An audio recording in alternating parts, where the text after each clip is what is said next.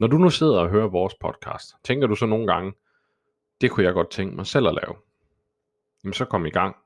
Anchor.fm er det en helt rigtig hjælp. Vi bruger Anchor, fordi det er det gratis og samtidig det bedste tool til at optage podcast. På anchor.fm kan du optage direkte, så du behøver ikke engang at have noget specielt software til at optage dit podcast. Der er mulighed for at lægge små intro, lyde og så videre ind direkte på Ankers hjemmeside. Desuden kan du følge med i, hvad dine podcasts, hvordan de fungerer, hvor mange lyttere du har osv. Samtidig så er det helt gratis. Andre hosting øh, platforme koster penge. Anchor gør det helt gratis og fordeler helt gan- og ganske gratis din podcast til både Spotify, Apple, iTunes, whatever. Derudover har du også mulighed for at blive matchet med sponsorer, der passer til dit content. Det vil sige, at du kan tjene penge på dit podcast fra dag 1. Anchor.fm er ganske enkelt det bedste sted at lave dit podcast. Alt hvad du har brug for til at lave podcast et sted. Skynd dig at downloade den gratis Anchor app, eller gå ind på anchor.fm for at komme i gang.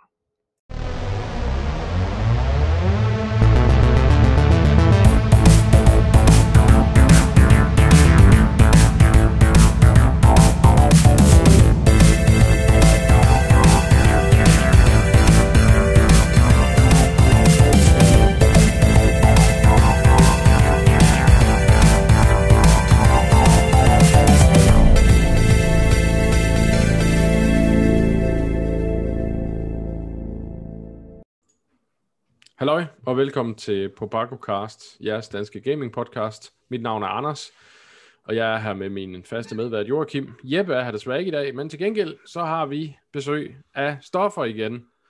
Og øh, vi skal tale om en hel masse spændende ting i dag. Øh, vi skal snakke om Blizzard, vi skal snakke om fodbold, for det skal være løgn. Og øh, lurer mig, om vi ikke skal snakke rigtig meget også om Hades. Øh, men det kommer vi til. Lad os starte med nogle nyheder.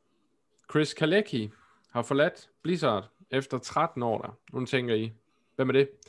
Hvis I ikke lige kender World of Warcraft, så er Chris Kalecki en af de bærende udviklere bag World of Warcraft, altså selve WoW, i de seneste 13 år. Han kom fra en PvP-guild på Tychondris, og blev så hijacket til Blizzard, fordi meget af det content, han lavede, til, øh, uden for spillet, det var noget, som rigtig mange godt kunne lide. De end, han kom med nogle forslag til nogle ændringer og sådan noget på forumer og så videre, som faktisk var rigtig fornuftige.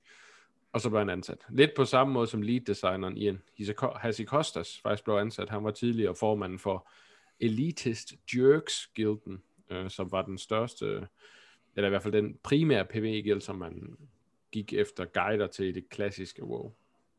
Nok om det. Det, der er interessant ved, at Chris han har forladt Blizzard, det er, at han har lavet en lille video, hvor han øh, forklarer, hvorfor.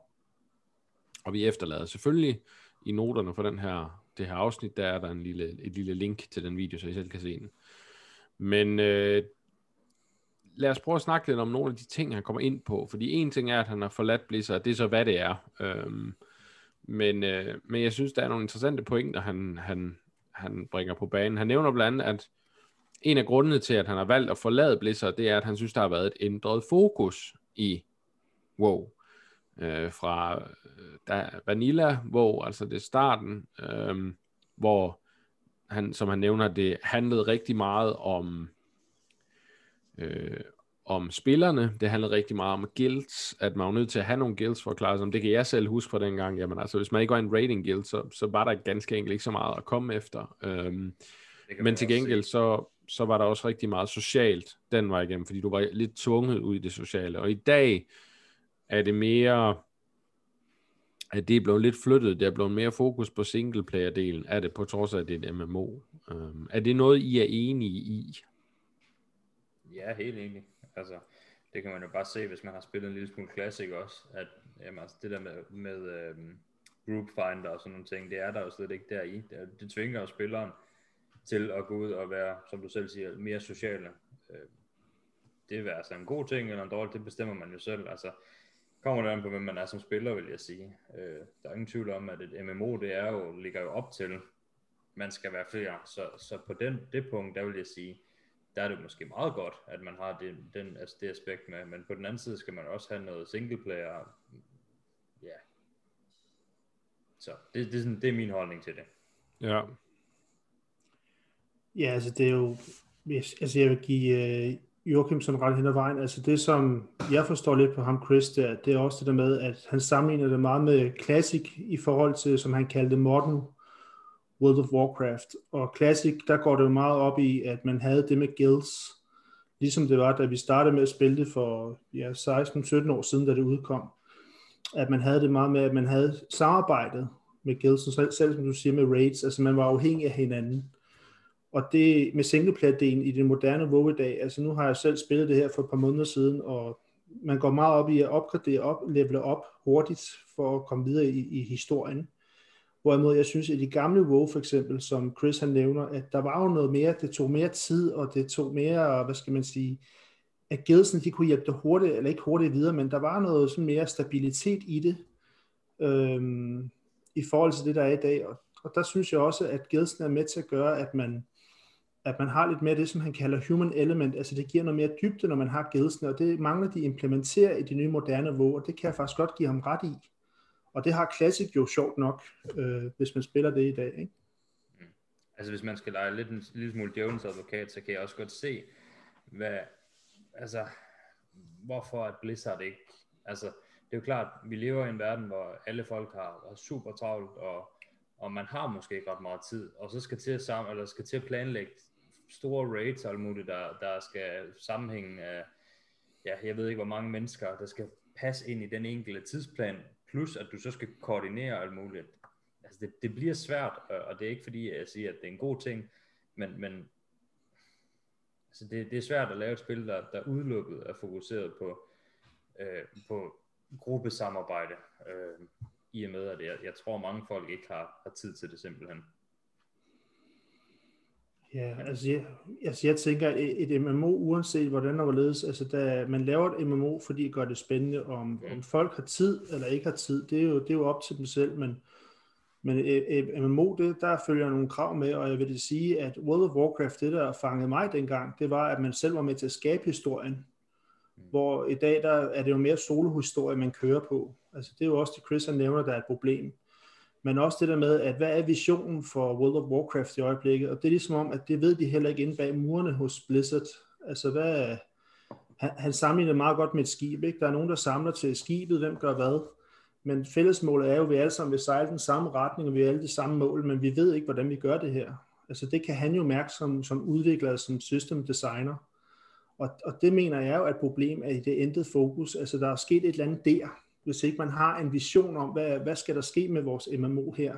Mm. Øh, det tror jeg er et problem også.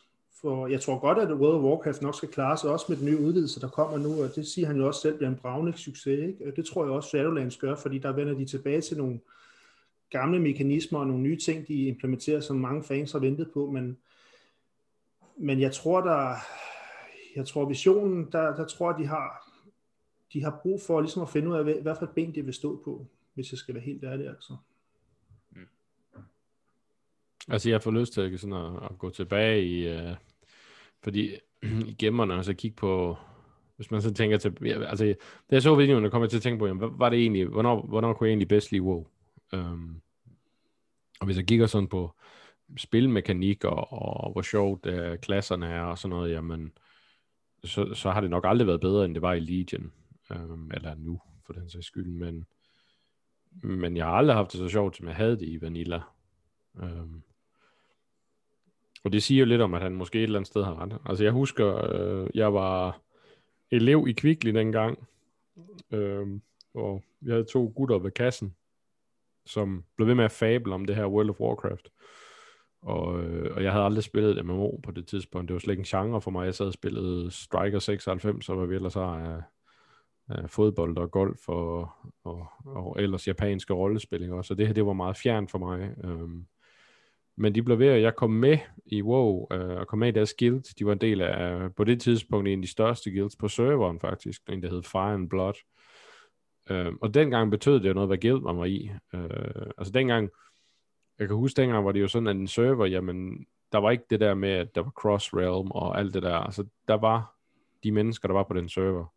Og det vil også sige, at hvis der var nogen, der opførte sig som rene idioter, jamen, blev de også rimelig hurtigt lukket ude. Altså, så kom de ikke med i grupper eller noget, fordi det blev simpelthen bare...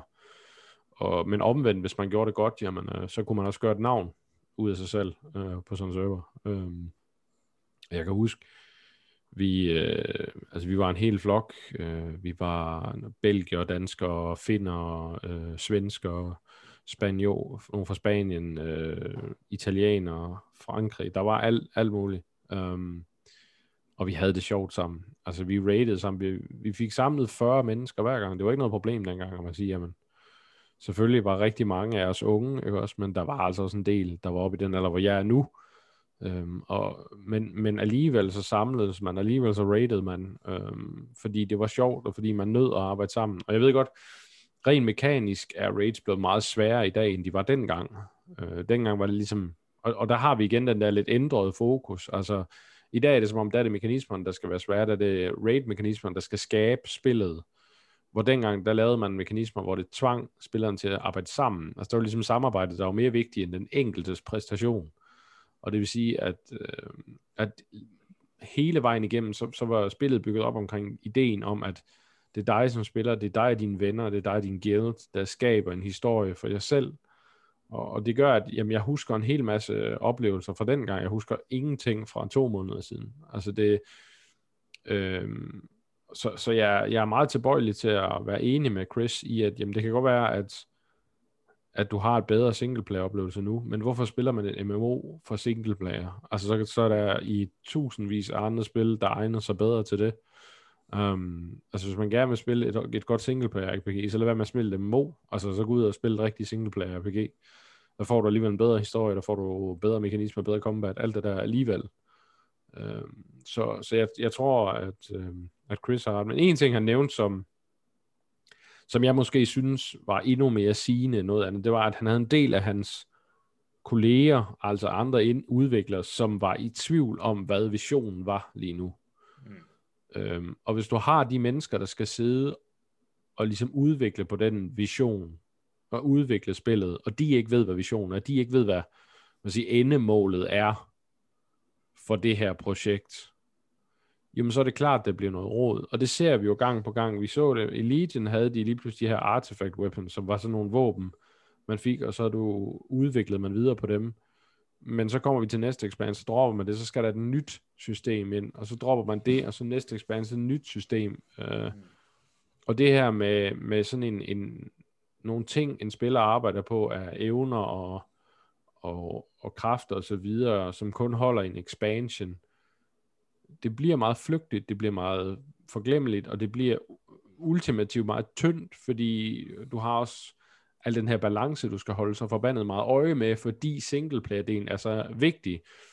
Altså jeg kan huske, da jeg, da jeg rated, jamen der kunne du som druid, der kunne du ikke lave DPS, der skulle du kun heal, og det er måske en fejl i sig selv, men omvendt, altså det handlede ikke så meget om, hvor meget skade den enkelte gjorde, og hvor de lå henne på et hvilken som helst meter. Det handlede bare om, at gruppen nåede i mål.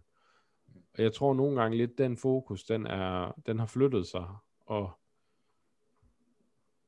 jeg, jeg, altså så, WoW har masser af spillere og, og så videre, men, men jeg tror ikke, den plan, de kører lige nu, er bæredygtig på lang sigt. Mm. Og der er også en grund til, at de bløder spillere til sådan noget som Final Fantasy 14 for eksempel, som modsat har meget mere fokus på, på flere spillere. Altså der, du kan ikke komme videre i historien, medmindre du, øh, medmindre du, hvad hedder det, um, gennemføre dungeons og raids og sådan noget. Og det skal du gøre med andre, det kan du ikke gøre single player. Øhm, og de har så fundet løsninger for at få det til at køre glidende, altså så det ikke er noget problem. Så, så jeg, jeg, jeg, jeg tror, at Blizzard skal prøve at tage det her, at Chris han har skrevet, og mange andre, fordi Chris er jo ikke den første, han er jo en bare øh, nummer, et nummer ud af en lang række af de bærende kræfter af den gamle garde, både fra Blizzard-team, men for WoW også, som har forladt Blizzard. fordi der var nogle kreative overensstemmelser. Hvis du har så mange af dem, som er bære grundlaget for, hvad Blizzard egentlig var, der forlader det, mm. så har du et problem.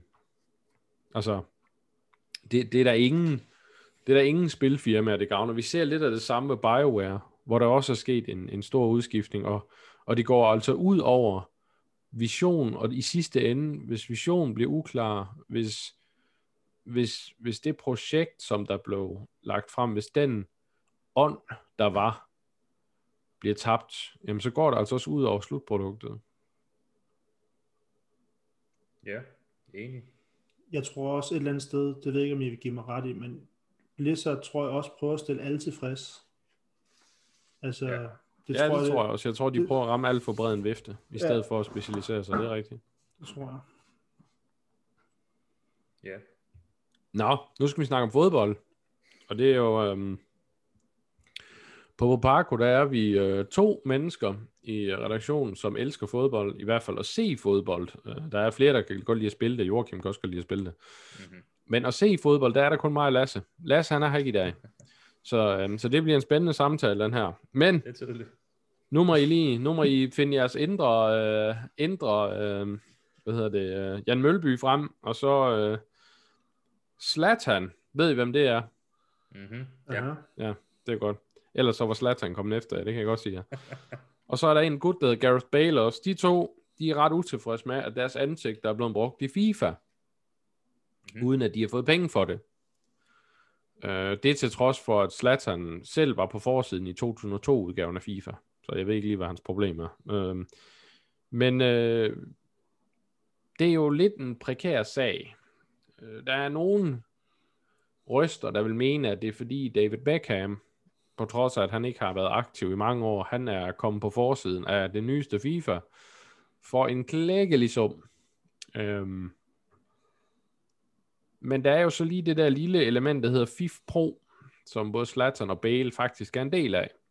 Øhm, og øh, FIF Pro, de har en aftale med, med, med EA omkring det her, øh, og de ejer nogle rettigheder. Den bliver så endnu mere krøllet for Slattern, fordi han spiller for AC Milan, og AC Milan kører en sponsoraftale med EA. Så det vil sige, at alle rettigheder. Og, og der er så den næste krølle, det er, når du tegner en kontrakt med en fodboldklub, så opgiver du nogle rettigheder, nogle øh, sponsorrettigheder og sådan noget, og nogle genkendelighedsrettigheder. Øhm, det er noget af det, der er rigtig meget kampe i, når i dag, det var ikke et problem før i tiden, fordi der ville spillerne jo bare spille for de klubber, de drømmer for. I dag, der handler det sådan mere om, hvem der kan blive den største Instagram-stjerne. Øh, men, men der, er, der er sådan nogle rettigheder. Hvem har rettighederne til billeder af mig? Øhm, er det fodboldklubben, eller er det spilleren, er det FIFA Pro, eller så videre.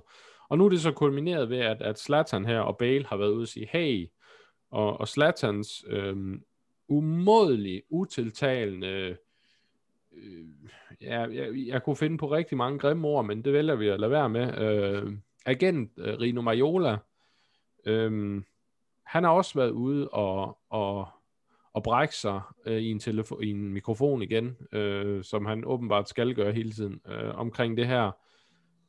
Og det virker bare for mig som om, jeg ved ikke, hvad I vil sige, men det virker for mig som om, der er en masse spillere her, der ikke har styr på, hvad der står i deres kontrakter.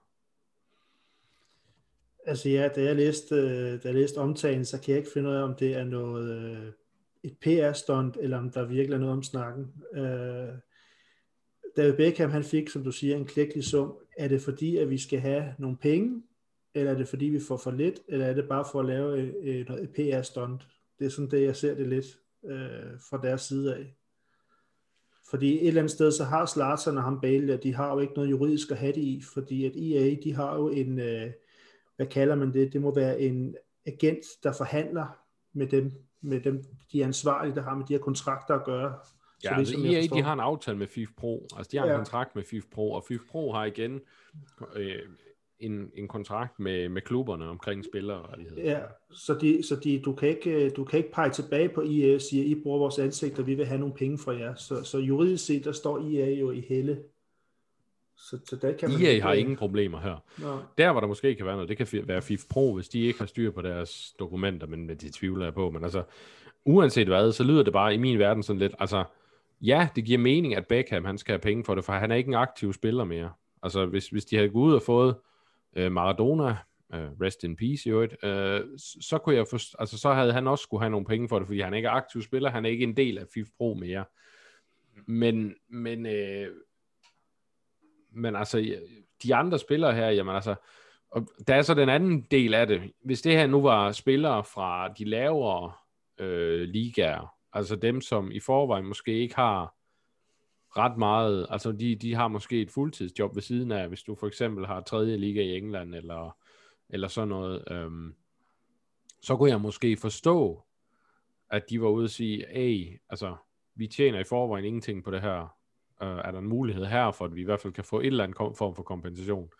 Men mange af de spillere er jo, har jo slet ikke ansigter. Altså de ansigter er jo slet ikke øh, lige med de ansigter, de har i virkeligheden.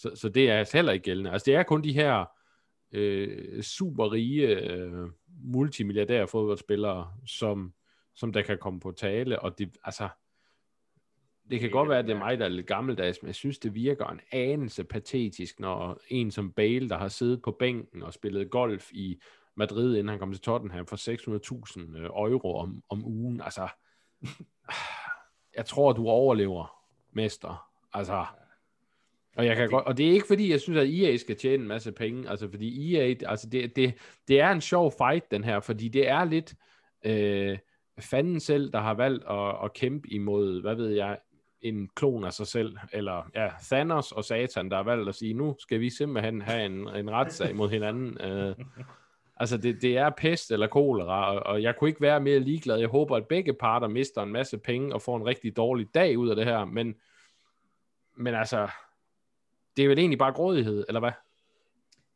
Det virker sådan, altså det, det jeg hører jeg sige, det, det må jeg også sige, det virker lidt som om mere vil have mere. Øhm, det vel også, altså det er vel også en eller anden form for et PR-stunt. Åh oh, nej, nu er der problemer. Så hør, hør mig, jeg er ude i medierne igen. Altså, det er som om, der skal ske et eller andet hele tiden. Jeg Ja. synes, Zlatan, han, han er tit oppe i, oppe i Jamen normalt kan jeg godt lide Zlatan. Jeg synes, han er sjov normalt, men at det her, det er det, er det første gang, jeg synes, han er sådan decideret usympatisk. Altså, Ja, det virker, det virker lidt underligt, hvis jeg skal være helt ærlig. Altså hvis David Beckham ikke havde optrådt på nyheden, at han har fået de millioner der i FIFA, han var optrådt i nye spil, kan jeg vide, om der så havde været nogen ballade? nej, det tror jeg ikke. Så var det slet ikke blevet sag, det her. Nej, det, er jo det, der, det er jo det, der er herinde i det. Det er jo fordi, de tænker, hey David, du har fået penge, det vil vi også. Ja, det er det, jeg mener. Så havde der jo ikke været noget jo. Altså, Nej, altså, og, og man kan sige, jamen, det, uh, Beckham er jo stoppet. Han spiller ikke mere. Nej, nej. Altså, det, det gør Zlatan stadigvæk. Så kan han jo vælge selv at stoppe. Altså, så, så kan han, altså, men det er som om, han vil, han vil både bage kagen og spise den selv. Altså, nu, nu må I lige spænde hjelmen, drenge. Ja, Men vi har en anden fodboldnyhed, der er lidt sjovere, tror jeg. Lidt mere spændende. Øh, der er nogle fodboldagenter, og fodboldagenter, det er typisk dem, der forhandler på vegne af spillerne med klubberne. Øh, der har været ude og prøve at bestikke øh, folkene bag Football Manager til at ændre de her spillers ratings i Football Manager, Mhm. for at øge deres værdi. Øhm, og så kan det godt være, at der sidder nogen derude, som ikke følger så meget med, eller ikke interesserer sig for fodbold, eller fodbold, men de tænker, øh, football manager, det er et spil. Altså, de går vel ikke til FIFA? Nej, det gør de ikke. Øh, men de går til football manager, for football manager har så ekstensivt et scouting-netværk verden over, og er så dygtige til det, de laver. Øh, og deres analyse-tools, analyseværktøjer, bliver faktisk brugt af professionelle trænere og klubber på ret højt plan. Så derfor så er det noget, man kigger på. Det er faktisk sådan, at der er trænere rundt om i verden, som sidder og kigger på de her lister på Football Manager og siger, oj, okay, den der spiller, han, har, han er udnævnt som vidunderbarn af øh, folkene bag Football Manager. Det er der en grund til, at vi skal ud og have scoutet ham selv. Det vil sige, at der bliver skabt en interesse på den måde. Og derfor kan man jo sige, at det giver god mening, at der er nogle fodboldagenter, der har tænkt, hey, jeg øger chancen for, at min spiller han bliver solgt, hvis nu lige de kunne smide et par, øh, par po- point mere på øh, hans, øh, hans øh, rating der. Okay. Uh, det skal lige siges uh, med det samme, at folkene bag Football Manager har naturligvis ikke taget imod den slags betingelser og har afvist det mm. med det samme. Ja. Det lyder som plottet på en eller anden dårlig øh, agentfilm. Eller ja, ikke også? Det lyder, det, lyder, det lyder helt vanvittigt, at der går nogle, nogle øh, rigtige agenter ud og prøver at bestikke et computerspilfirma. Ja. Men, øh, men et eller andet sted, kudos til fodbold. man. Altså, det siger jo lidt om, hvor dygtige de er. Altså, Hvilken tid at være i live, var altså jeg kan anbefale folk at finde, der er lavet en dokumentar, du kan også finde den på Kvitterfrit og ganske legalt på YouTube, øh, omkring Football Manager, og hvordan de arbejder, og hvordan det bliver brugt i nogle klubber og sådan noget. Den er rigtig interessant. Um, det er faktisk ret interessant, også selvom man ikke interesserer sig for fodbold, fordi det her det er altså et computerspilfirma, vi snakker om, som, øh, som i den grad påvirker fodboldverdenen reelt i deres, mm. i, i deres arbejde. Og det synes jeg er ret imponerende. Det må man sige. Det skal lige siges, at jeg har fra øh, god pålidelig kilde, at den nye udgave af Football Manager er faktisk et af de bedste nogensinde. Har også fået rigtig gode anmeldelser diverse steder. Så, så det, øh, de har god succes derovre. Øh, men her var altså en mulighed for at tjene nogle billige penge under, eller nogle nemme penge under bordet, men det har de altså sagt nej til. Så det er ikke så tit, vi får lov til at prale af spiludviklers øh, integritet, men det kan vi da gøre her. Så, Men det giver, men det giver da også noget respekt, hvis, det, hvis de virkelig har gjort det, så har man jo lyst til at støtte dem fremover. Ikke? ja, præcis. Ja, præcis. Det, Nå, nok om det. Ja, Nu ser I også fodboldtræt ud. Nu må vi hellere gå videre. og hold da op. Vi skal snakke om spil, fordi det er det, vi Det er her vi. for. Og vi skal snakke om, hvad vi har spillet. Yes. Og øh, altså, vi skal snakke om mudder, og vi skal snakke om sne, og vi skal snakke... Og er det nogen, der løber i sne, eller hvad? Du, der er noget, du har skrevet øh, øh, henholdsvis snow og mud runner. Jo, hvad er det for noget, Joachim? Ja, altså for det jeg, der ikke kender det, det er et, øh, det er et, et ja, kalde det transportsimulator, det ved jeg ikke, om man kan kalde det, men det er i hvert fald et, et simulatorspil. Man, man kører en, en traktor, lastbil, hvad nu ellers man vælger at køre i, ude i, i skov, mudder, sne, whatever, og så, har den, øh, så skal du fragte noget, noget, noget varer fra den ene sted til det andet, og det lyder meget kedeligt, når man fortæller det på den måde, men det, der gør det sjovt, det er, at det ikke bare at- køre en grusvej, det er, at du kører i rigtig, altså du kan mærke mudder, at det sådan, bilen flytter sig under det her forskellige ja, underlag, du kører på. Øhm, og så handler det selvfølgelig om, at du skal få fragtet de her ting på den bedst mulige måde, og, og sørge for at få det fragtet rigtigt, og, og sådan nogle forskellige ting. Øhm, og det er, ja, det er super hyggeligt, og specielt hvis man har et, øh, et ret til sin, sin computer, eller sin Playstation, hvad man, eller konsol, hvad man spiller på, øhm, så gør det det 10 gange sjovere også, fordi så har du noget force feedback, og du kan sidde og skifte gear med dine shifter, og der, du lever der lidt mere ind i det. Øhm, og ja, det har jeg siddet og hygget mig lidt med her det sidste stykke tid. Det, det kan varmt anbefales, hvis man er til den slags. Og hvis man også, jeg, jeg er lidt en sokker for det der, det der simulator der. Jeg spiller også meget Farming Sim. Det, det må jeg ærlig om. Det, det taler til mig. Jeg ved ikke hvorfor. Det er hyggeligt. Øhm, hvad for et øh, ret bruger du? Jeg bruger et, øh, et Logitech øh, G27. Øhm, det er vist godt nok gået ud af produktion. Det hedder G920 i dag, tror jeg, øhm, som er en nyere version af det. Men, øh, men 27'eren der, det er lidt ældre model, men, men den, er, jeg er super glad for det. Øhm, det har været med mig i et par år nu, så det, Ja. ja. det kan jeg, ja. Men altså G, øh, G920'eren, eller jeg kan ikke huske, hvad den hedder, men I må ikke hænge mig op på det. Noget i den stil. Det er også et ganske udmærket ret. Øhm, slet ikke noget der. Så. Og hvis man er til sådan noget, så Logitech har faktisk også lavet sådan en, øh, et ret, der hedder Heavy Equipment, øh, der decideret er til farming sim og så videre. Der har du en lille knop på rettet, du kan bruge til at, at køre med. Øh, blandt andet lavet i uh, samarbejde med Cytec, som også laver, øh, hvad hedder det, ja, fly, joystick og, og så videre. Så der var lidt reklame der. Værsgo Logitech. Skal I ikke betale os for?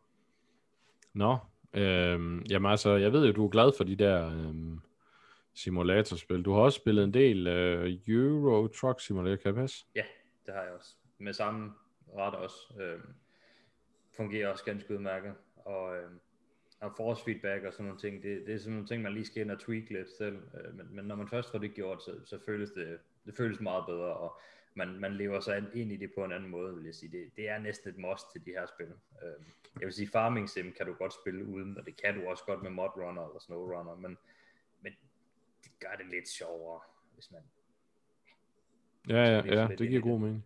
Men hvad så, øhm, altså er det bare at køre, eller er der, er der noget, du, er der så, skal man, øhm, er noget, man, tjener man så penge og kan bruge dem på et eller andet, eller hvordan fungerer det? Ja, altså det, det sidste nye, de har lavet her i, i år, det er det, der hedder Snowrunner. Øh, der er det sådan sket lidt mere, der kan, du, der kan du level op og få nogle forskellige perks, og øh, købe, altså du kan, ikke, du kan ikke opgradere dine lastbiler eller dine, din køretøjer, medmindre du har fået levelet op og fundet nogle ting ude i mappen.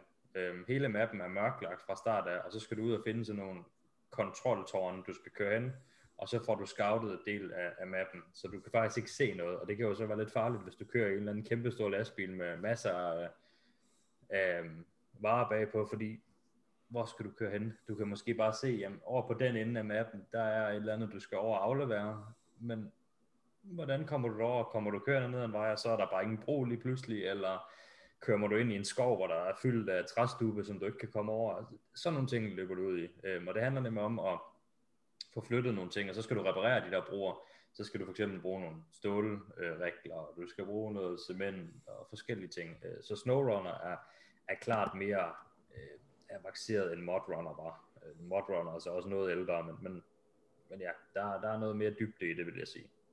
Har det så, øh, altså har det været godt, at det har fået noget mere dybde? Eller? Ja, helt klart. Okay. Helt klart. Øhm, SnowRunner har også en anden ting, at du kan, altså du, du har nogle forskellige områder. I det gamle, der, der, log, der altså gammelt siger, i, i Modrunner, der, der hopper du ligesom ind i en bane, og så var du i den bane, og så var det det. Der skulle du sådan kun fragte træ, altså øh, tømmer, øh, store øh, træstammer og sådan noget.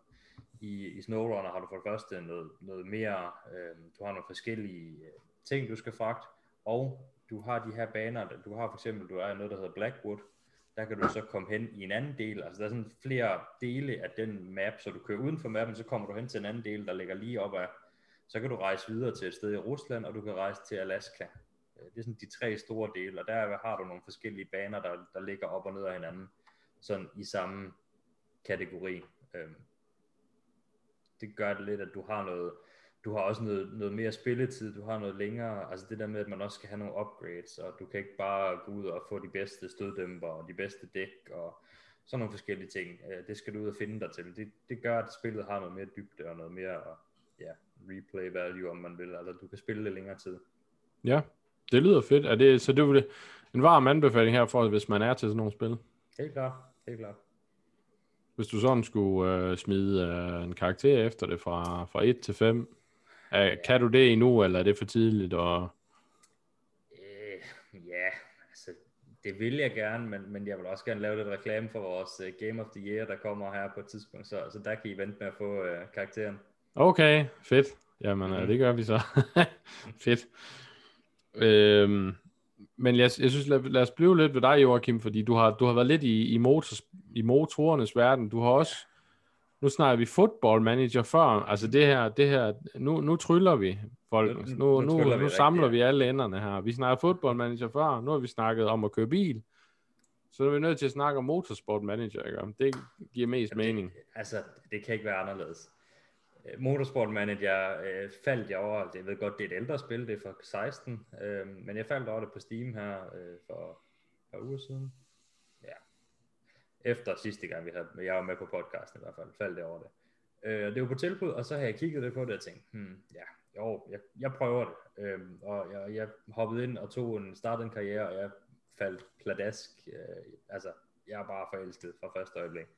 Det er altså hvis man kan lide managerspil, den her måde, man skal samarbejde med sine kører, man skal, hvad for nogle dæk har du på, hvordan kører du meget aggressivt, bruger du meget benzin, altså det er meget sådan, du kan også vælge at sige, at du kører meget, meget hårdt til den, men du sparer lidt på benzinen, altså det lyder så lidt, men at du smider den lidt mere ud i svingen, altså det, det gør din dæk mere varme, men det slider sig også på dækkene.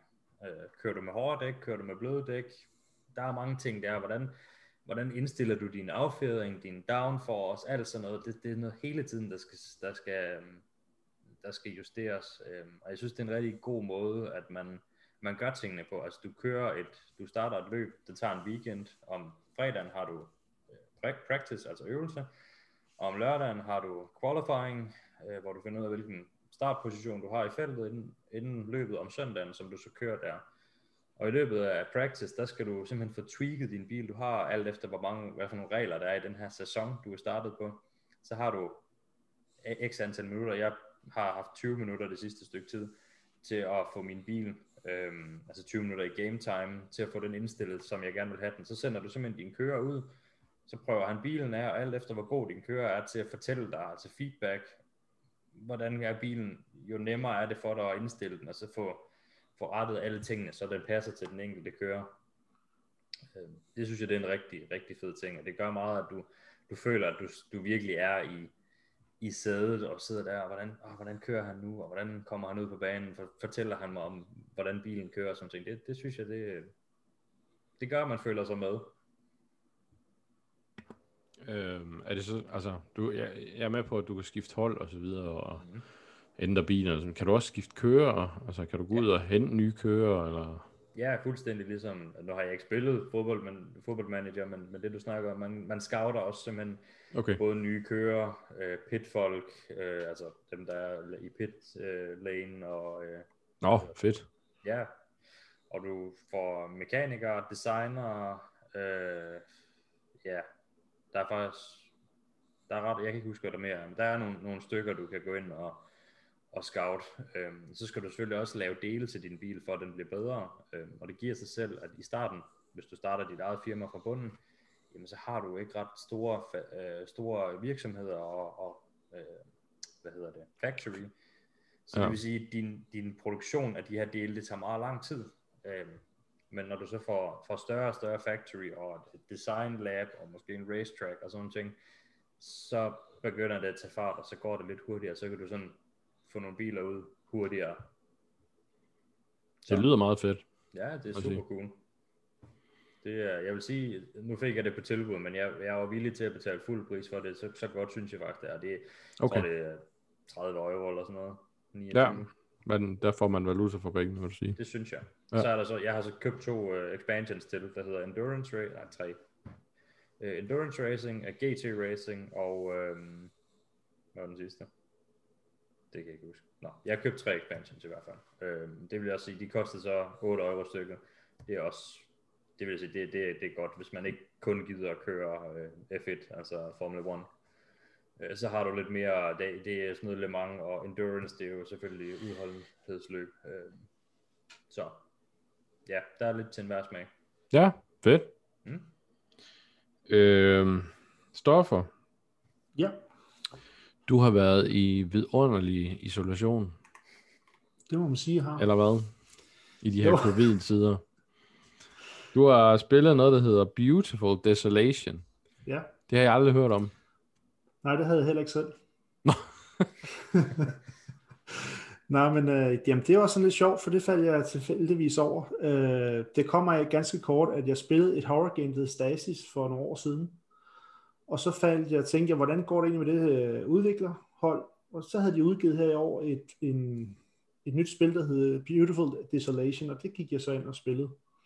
Og det var godt nok en overraskelse. Det var rigtig fedt. Men øh, det handler sådan om, øh, altså lad mig starte med at sige, det er 2D isometrisk eventyr, adventure point and click, og det er, elsker jeg jo sådan noget point and click spil. Men det handler om sådan noget, øh, hvor man er en sydafrikansk journalist, der hedder Mark Leslie, og du skal op i sådan et objekt, der flyver op i luften, der hedder en Penrose. Det er sådan en trekant, et rumskib lignende ting.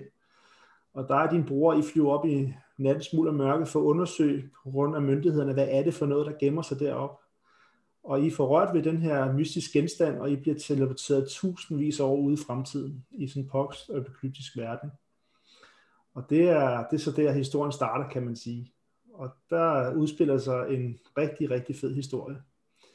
Men øh, når man så er i gang, så er der mange referencer til de gamle Fallout-spil. Og her snakker jeg ikke om øh, New Vegas eller Fallout 3, jeg snakker om de helt gamle Fallout-spil. Og det er sådan noget med, når du snakker med karaktererne, så dukker der sådan et, hvis man kan huske det, så dukker der sådan en rode frem, hvor der kommer en levende screen frem af karakteren. Og det er faktisk, ja, gensynsglæde. Og spillet er jo fra 2020 her i år, så det har de altså gjort rigtig godt. At de sådan kombinerer det med nye ting, og så gamle ting, der mødes. Men puzzlesene, de er ikke så svære, synes jeg. Øh, der er meget øh, snak, det er der jo i point click spil men øh, det er sådan lige til at gå til. Og historien er mega spændende. Øh, man er jo de her tre personer. Man er jo ham der Don, og du er Leslie, og så har du din robothund Pooch, som er kommet med dig. Så du skal sådan hele tiden interagere med de her tre personer og finde ud af, hvordan i alverden kommer vi hjem igen.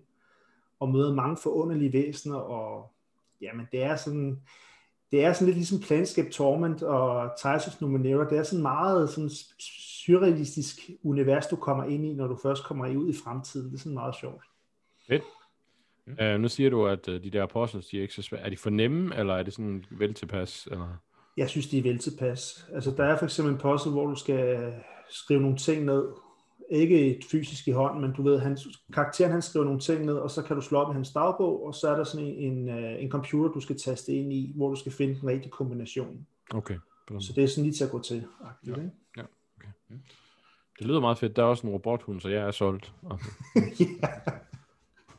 Så det er sådan, det er, det er meget cool. Okay, jamen det er fedt med noget point and click adventure. Det, det er ikke det, vi ser mest af. Så, så det er altid fedt, når der kommer et nyt på banen.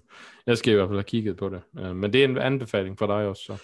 Det koster 11 euro i øjeblikket på Black Friday inde på Steam, så det er virkelig det var, kig værd. Ja, det lyder ikke dyrt. Så det kan man roligt gøre. Fedt. Så har du øh, spillet Ori and the Will of the Wisps. Ja, det har jeg. Øhm, hvad synes du om det? Det var sådan faktisk i forbindelse med vores Game of the Year, vi er ved at forberede os stille og roligt til. Så vil du lige kigge lidt på det. Hvad, hvad, hvad synes du om det? Det får en etter. Uh. Dårligt spil. er det rigtigt? Ja, forfærdeligt spil. Hvad da? det er jo simpelthen et fantastisk spil, må jeg sige. Nå, okay, jeg blev helt forvirret. Jeg blev helt, jeg var helt rundt på gulvet. Jeg tænkte, okay, der er...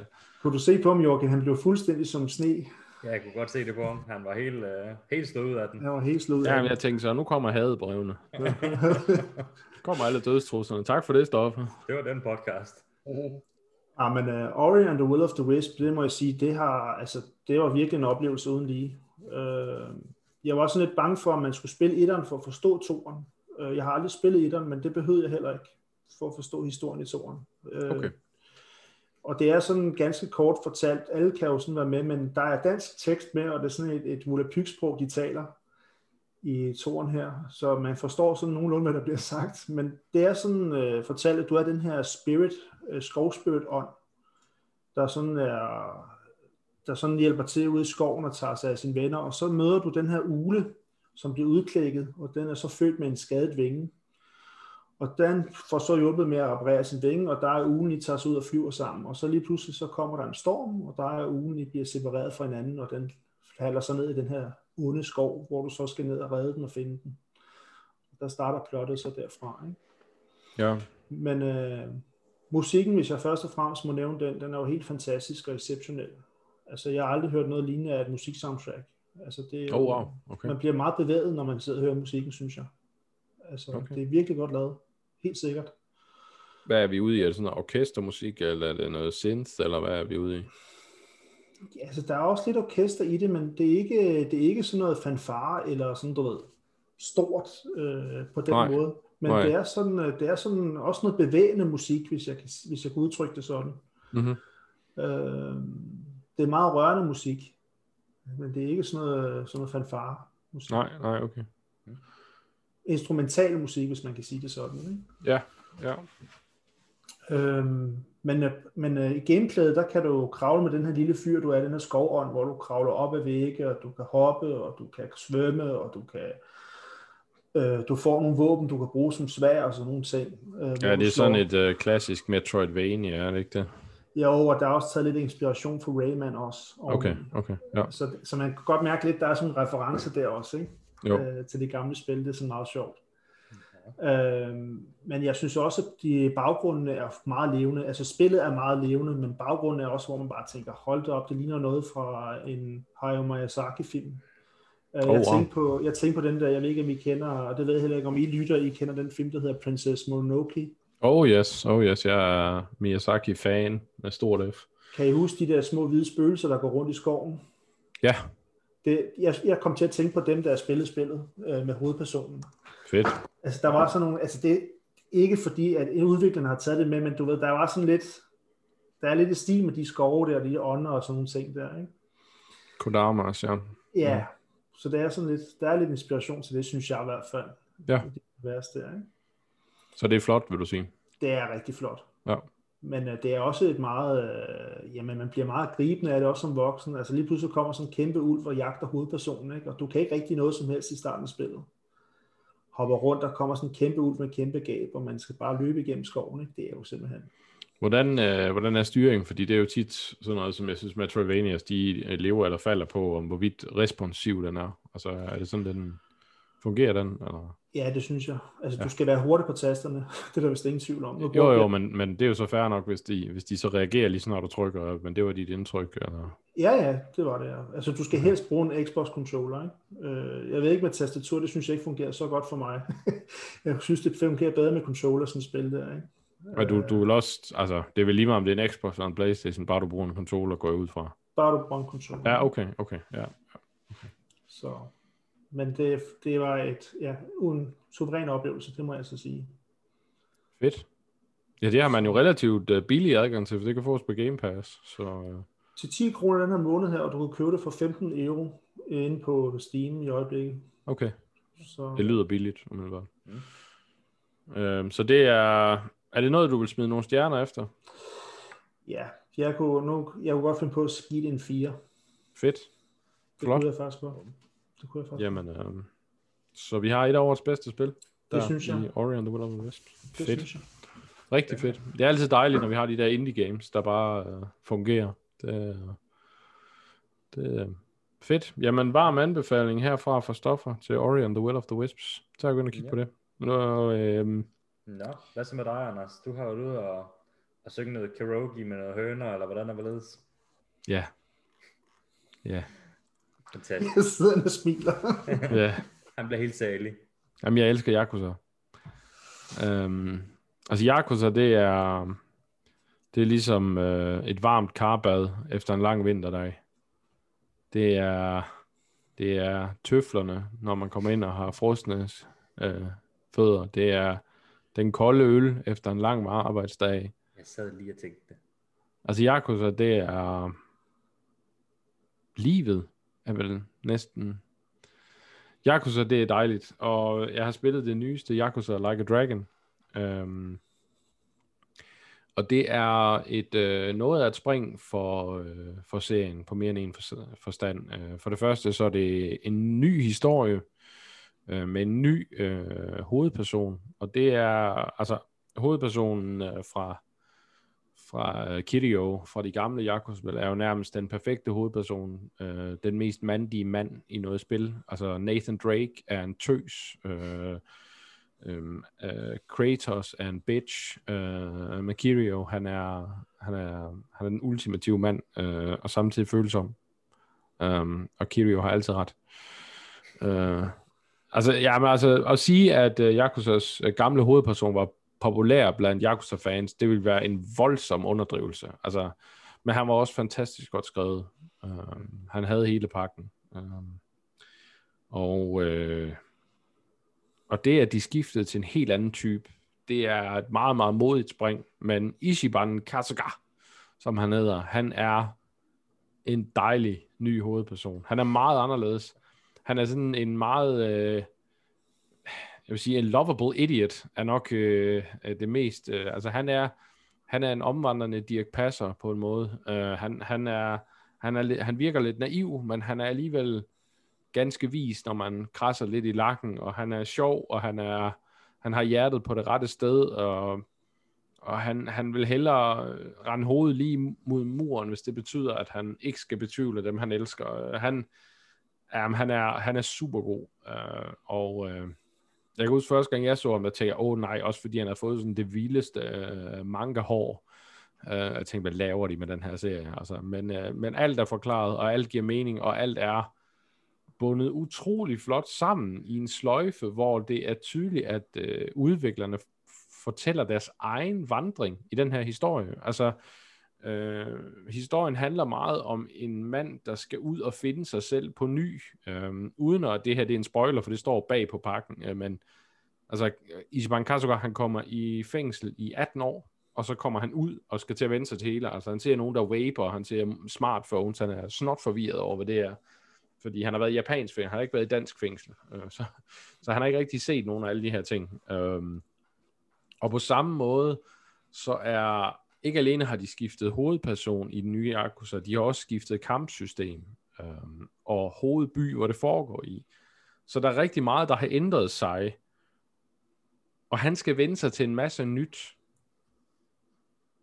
Akkurat ligesom udvikleren skulle prøve noget nyt, og, og på den måde er der en utrolig, utrolig fin sammenhæng mellem øh, mellem spillets karakterer og så historien og, og hovedfiguren. Og det synes jeg egentlig er, er ret cool, vil jeg sige. Øhm, uden at det dog har mistet, altså det er stadigvæk 100% et klassisk Yakuza-spil, på trods af, at det nu er et turbaseret rollespil, hvor de gamle var øh, tredjepersons action øh, adventure games. Så det her, det er et, et, et, et 100% et Japano-rollespil, øh, med, en, med en hel gruppe, hvor du kæmper, og med klasser.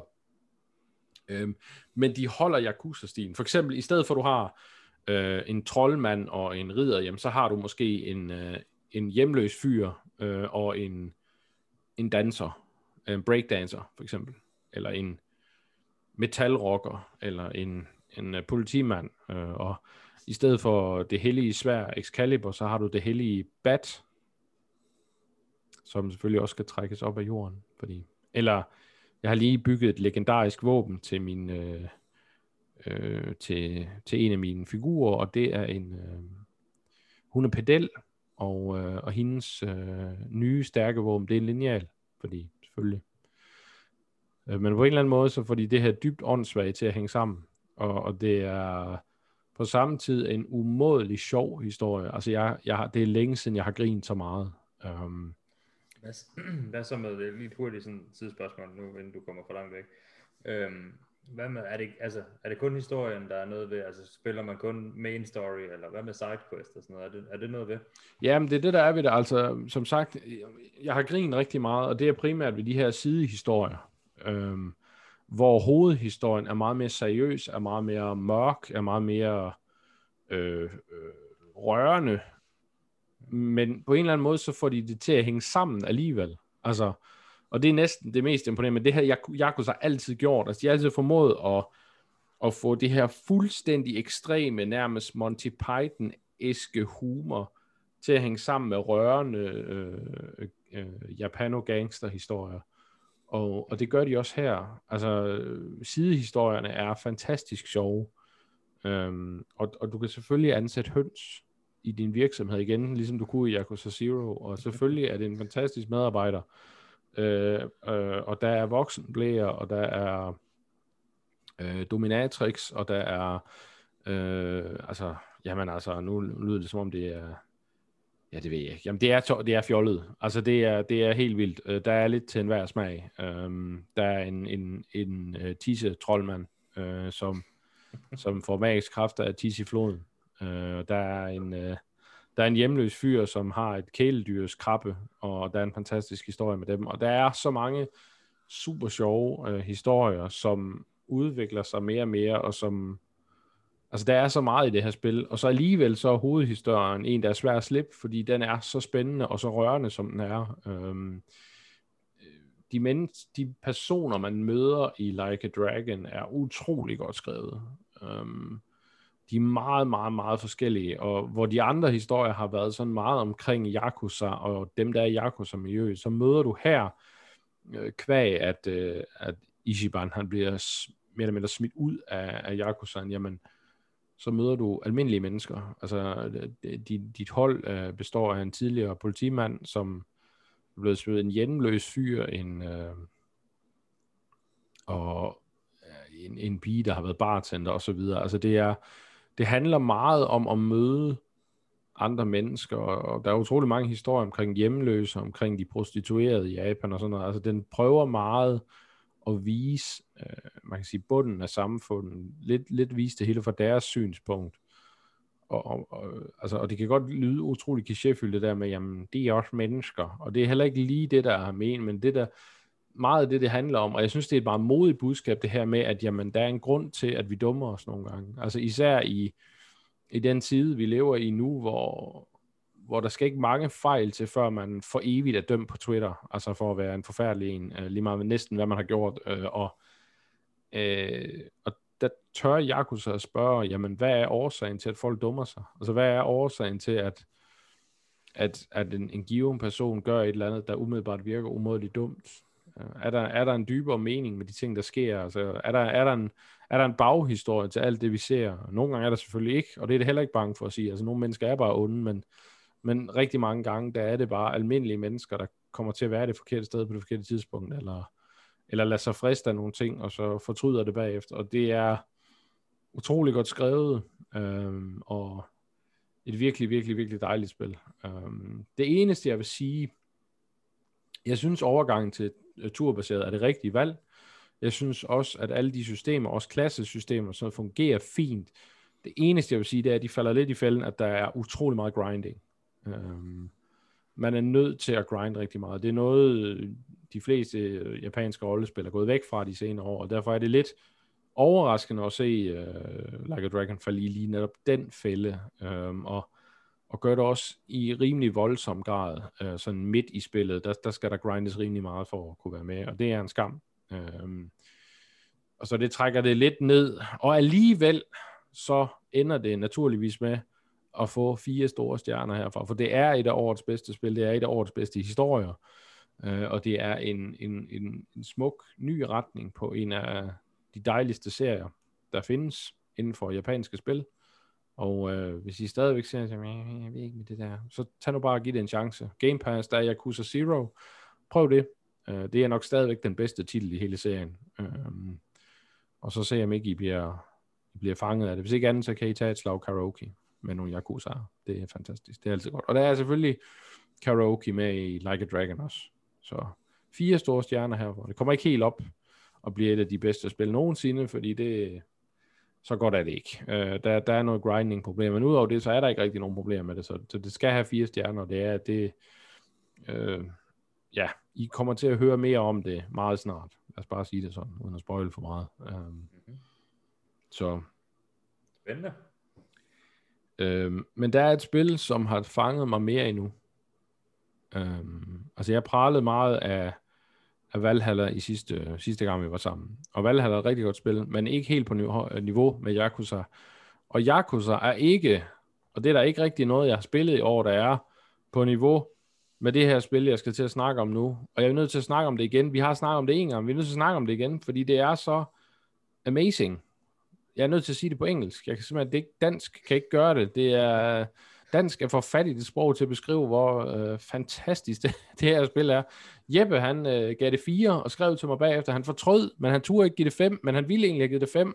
Det tror jeg også, han skulle have gjort, fordi det er Hades, og Hades er det bedste roguelite til dato. Er det ikke det? Det tror jeg, det er.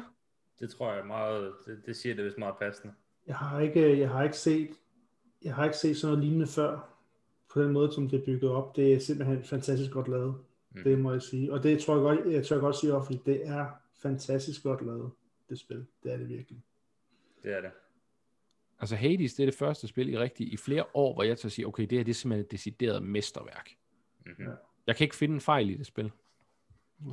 Jeg har, jeg har siddet og prøvet og kæmpet for at se, der, der må være en gal med det her. Der må være et eller andet. Jeg kan bare ikke finde noget. Det er simpelthen det er det, perfektion jamen, i udvikling, og det er jo, helt vildt. Det der er en fejl, der er en fejl i spillet, det er, at det slutter jo på et tidspunkt, desværre. Gør det det? Ja, jeg er i tvivl, vil jeg sige, med alt det content, der er. Ja, det må man godt Der er godt nok mange ting, altså med historie og, og gameplay og små ting at opdage, og altså der, der, er, der er virkelig meget der Altså det er helt vildt. Det jeg er mest imponeret ved Hades, det er, Altså roguelite-genren, den troede jeg egentlig, den var egentlig mere eller mindre fundet ud af. Altså, du har et godt progressionssystem, og du skal have nogle gode boss fights, og det skal føles øh, givende, og der skal være nogle forskellige veje, man kan tage med builds og sådan noget. Så har du lidt Binding of Isaac, eller Spelunky, eller øh, Slay the Spire, eller Dead Cells selvfølgelig også, må vi ikke glemme. Øh, så har du Rogue rigtig Legacy. godt. Men en ting, alle de her spil ikke kunne finde ud af at lave, fordi det burde ikke kunne lade sig gøre, det var en historie, der fortsætter efter du dør, og fortsætter at bygge op omkring det her med at dø hele tiden, som man jo gør i roguelites. Men det er Hades. Hades historie udvikler sig for hver gang du dør, og hver gang du dør er en del af historien. Og de formår på en eller anden måde at lave en hip, smart, sjov, super velskrevet historie omkring det at have træls forældre. Og så samtidig på en eller anden måde få den til at, at være, ja, det kan godt være, at den her den føles ny, nymoderne og, og er vanvittigt godt skrevet, men det kunne sagtens være en del af de græske tragedier. Altså, Mm. der er så meget kærlighed til, til, øh, til hvad, hvad hedder, grundmaterialet, og så samtidig er det løftet op. Altså alt fra, fra dialog til design af figurer, sådan noget er løftet op til den nyeste, moderneste, fedeste standard, uden at tabe noget af det, der gør, at de græsk, den græske mytologi er så tosset, som den er. Og det synes jeg er super fedt. Og så til med at få hele roguelike mekanisme og det hele til at blande sammen med det. Altså Hades, det er, jamen jeg kan slet ikke beskrive, hvor fantastisk godt et spil det er. Altså, det, det er jo et af de spil, hvor man siger, jamen, og, og det kan godt være, at folk så derude, de sidder og siger, ah, men jeg kan ikke lide de der roguelikes. Nej, men prøv Hades alligevel. Jeg har prøvet det alligevel. Ja. Altså, jeg kender flere, der hader den type spil, efter de har prøvet Hades, okay, det er fantastisk. Jamen, Også fordi, eller hvad vil du sige, Joachim? Nej, det er jo bare, altså en ting, der, der, jeg vil ikke sige, det er det, der gør det for mig, det er alt det, som du har nævnt, men en ting, der, der også betyder meget for mig, det er simpelthen styrken der i den måde, at det er så, det er så flydende, uden at man sidder og tænker, okay, det er bare tryk på en knap, fordi det er det ikke bare, altså det er virkelig meget strategi, strategi der er meget taktik i, hvordan du gør tingene, men, men det føles også bare naturligt, altså tænker jeg på at gøre noget, så gør figuren det, det er sådan, oh, okay, altså det, det skete nærmest uden man, man overhovedet, altså det sker nærmest uden man behøver at gøre, altså det sker bare, ja, jeg kan ikke forklare det på en anden måde. Jeg, Nej, men det er rigtigt. Altså, der er øh, styring og kontrol er exceptionelt vellavet. Altså, den er, øh, den er simpelthen så fløjelsblød. Altså, der er, den er responsiv, den er, ja, altså, den er ekstremt responsiv og gør præcis det, du vil have den til. Og det er den også nødt til. Altså, Mhm. Øhm, spillet går lynhurtigt, øhm, og nogle gange så laver man nogle ting i nogle rum, og tænker, wow, altså var det lige mig, der gjorde det her? Altså, hvordan kom jeg ud af det her? Og det føles super godt, og der er mange forskellige våben at åbne for. Øh, når, man løber, når man løber igennem det her, så går man fra rum til rum, og så møder man de her guder, som man så, øh, de vil så hjælpe en med at komme væk fra ens irriterende far Hades der, som er, og Hades han er bare irriterende. Altså, ham, der har lagt stemme til Hades, han gør det så godt. Altså, han er virkelig sådan en rigtig... Han er en rigtig lort, du. Han er ikke en farfigur-type i hvert fald. Ja, men det er han er sådan en rigtig dum svin. Han far er sådan rigtig kontrollerende og bedrevidende, og ah, men det er så godt. Og det, det skal jo så lige sige, nu, nu sagde Jeppe det godt nok, men, men altså, det, det, det skal altså lige nævnes en gang mere, det med, med voice, eller stemmeskuespillet der i. Ja, det er fantastisk. Ja. Der, altså, jeg tror endnu ikke, endnu, jeg har spillet det nogle timer, jeg, jeg tror ikke, jeg har mødt den samme kommentar fra nogle af karaktererne endnu. Nej, nej, det er helt åndssvagt, så mange voice lines, der er lagt ind. Altså, Præcis, og det er det med, du siger, at, at ens far, det er sådan, man kommer op til ham, og så er der en eller anden ny, irriterende, dumsmart øh, kommentar, man sidder og tænker, oh, hold nu din mund, din store idiot. altså, det er sådan, man, man, man lever sig ind i det på en ny måde, fordi man, man sådan sidder og tænker, jamen, det du gør i spillet, bliver rent faktisk kommenteret af de forskellige karakterer, og de forskellige øh, typer, du møder. De ting, de valg, du træffer, det bliver kommenteret, så man føler, at man er en del af spillet, fordi ja, det hele og er det så- bringer mig, det der med, at du siger det, og det er faktisk rigtigt, fordi spil som Dark Souls, jeg elsker Dark Souls, det er ikke det, men Dark Souls, Bloodborne og, og flere af de andre, også Spelunky og sådan noget, altså, hvis man der har et træls dødsfald, så har man lyst til at smide controller ud af vinduet, og man kan blive rigtig arg, eller øh, League of Legends, eller hvad ved jeg. Og, og det er som om Hades har fundet den magiske saft, fordi du, du dør, og sådan, ej, det var så tæt på. Og så kommer du op af det her vand, og du går hen, og så den første du møder, det er Hypnose. Han kommer med en eller anden flad, ja, men de der, de er også svære, det skal du, ja.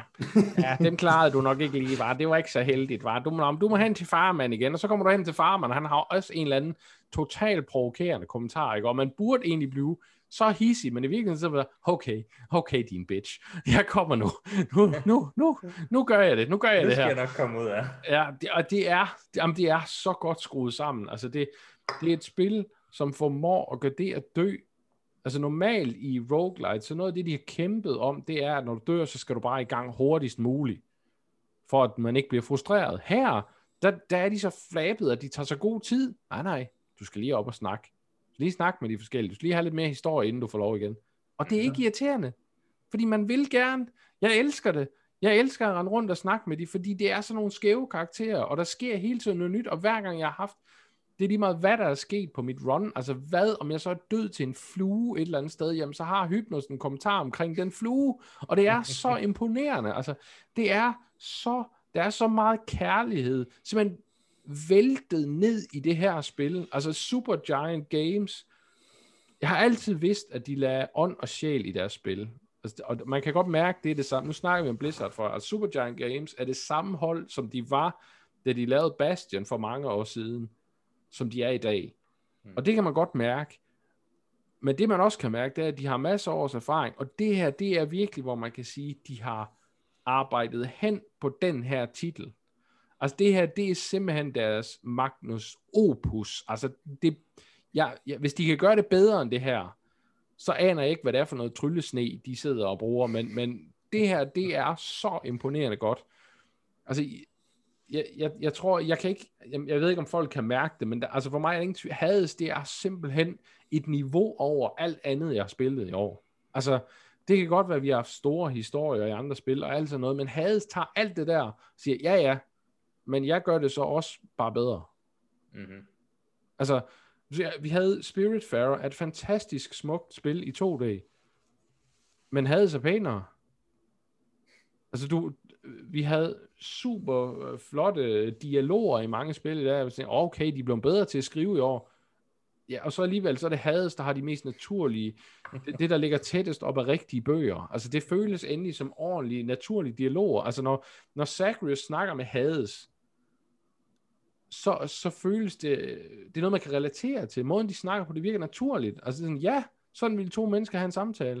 Mm-hmm. Og, og det er så godt skrevet, det er så smukt lavet, gameplay sidder lige skabet. Der er så meget content i det her spil. Af alle mulige sagt, du kan, der er også kosmet, du kan også lege Sims, du kan også fisk, hvis du vil det. Og det, nej, du skal ikke ud og købe en DLC, der er ikke noget microtransaction. Alt det her, alle de her hundredvis af timers underholdning, det får du bare med. Altså det her, det er alt det spil skal være. Det er det ren dyrket spilleglæde. Og jeg kan bare sige en tak, Supergiant Games, tak for at sætte hele spilindustrien på plads og sige, sådan venner, det her skabet står. Nu kan I lære det. Bum. Det kan godt være, at I har mange millioner at arbejde med, men vi laver bare bedre spil end jer. Bum. Altså, det, det her spil, det er så godt, og det går, at man ikke løber til, ej, nu overdriver Tag og spil det. Tag bare og spil det. Altså. Så lad mig høre, Anders, hvad er dommen? Hvad Stjerner dommen? for mig? Yes, lad mig høre. Det er et fem stjerner. Det er det eneste spil i, på, på Parko, der skal have fem stjerner. Altså, det, det, der er ingen tvivl for mig. Altså, jeg kan, jeg kan, og jeg, altså, som vi er jo enige om, at fem stjerner, det er noget, hele redaktionen skal være enige om. Så jeg er klar på, at der kommer nogen og siger, ja, men det skal det ikke, fordi, men jeg tror ikke på, at de kan finde fordi. Men jeg er klar til at tage diskussion. Men for mig, jeg kan ikke finde fejl i det her. Altså og det for, er mig, så... for mig, det var Beautiful Desolation en femmer. Det må jeg sige. jeg prøver bare at holde masken. jeg er selv vild med, det får også en femmer herfra. Hvad med dig, Joachim? Hvad siger du? Samme her. Helt enig. Det, du får stor fem af mig. Ja, jeg snakkede med Jeppe, og han skrev, han skrev til mig, jeg skrev til dem, altså du, du lød som om det skulle være et femtal, jo. Ja, men jeg tror ikke rigtigt, og jeg ved ikke rigtigt. Ja. men vi har så snart siden, jo, det synes han også, det skulle være. altså, altså jeg, det... må, jeg må sige, fra den sidste podcast, vi havde, hvor Jeppe han nævnte Hades, og øh, han sagde jo, han sagde, at det var, nu kan jeg ikke lige citere ham ordret, for jeg kan ikke lige huske det, men jeg synes, han sagde, at det definerede genren på en bestemt måde. Ja, det er genre-definerende, ja. Genre-definerende, tror jeg, han brugte ordet, ja. ja. Og jeg købte så Hades for at undersøge det nærmere, og jeg må faktisk sige, at han har ret. Det er jo virkelig et spil. Men jeg, og det tør jeg også sige, jeg har ikke set det før på den måde. Det har Nej, det er altså. det. Altså, det flytter roguelite-genren. Altså, ja. det, det her, det er den gyldne standard, alle roguelite-spil i fremtiden skal måle sig med. Ja, det har det sat det. en ny standard simpelthen, og, og det er derfor, man siger, okay, vi er nødt til at give det her spil øh, fem stjerner, fordi det, det er Altså, det er så meget bedre end alt, hvad der er kommet før det i den her genre. Ja, og og det, det, altså, det er imponerende. Det er, og, og det er et indie game. Altså, det er endnu bedre. Det er ja, næsten endnu sikkert. bedre. Helt sikkert. Øhm, men apropos genre-definition og store titler og sådan noget, vi har ikke så meget mere i dag. Men næste gang, om 14 dage, der har vi et par store tunge. Asmus kunne desværre ikke være med i dag. Øh, vi håber, det var på grund af noget teknik.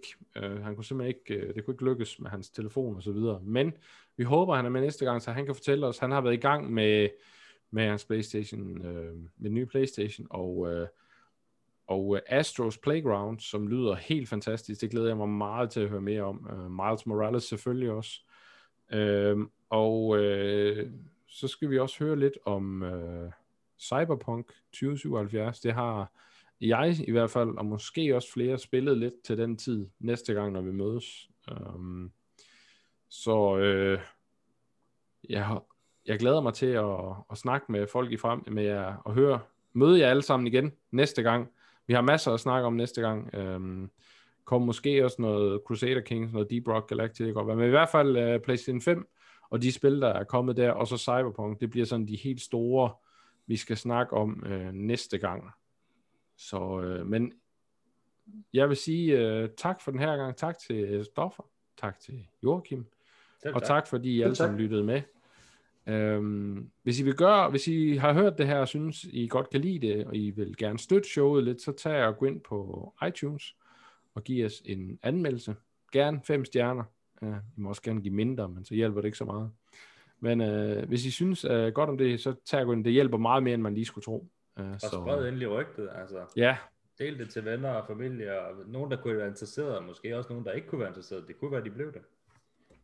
Til januar, der kommer så også vores store Game of the Year show. Og i forbindelse med det, kan jeg så afsløre, at til januar, der kommer Sighted os hjemmesiden på parko.dk.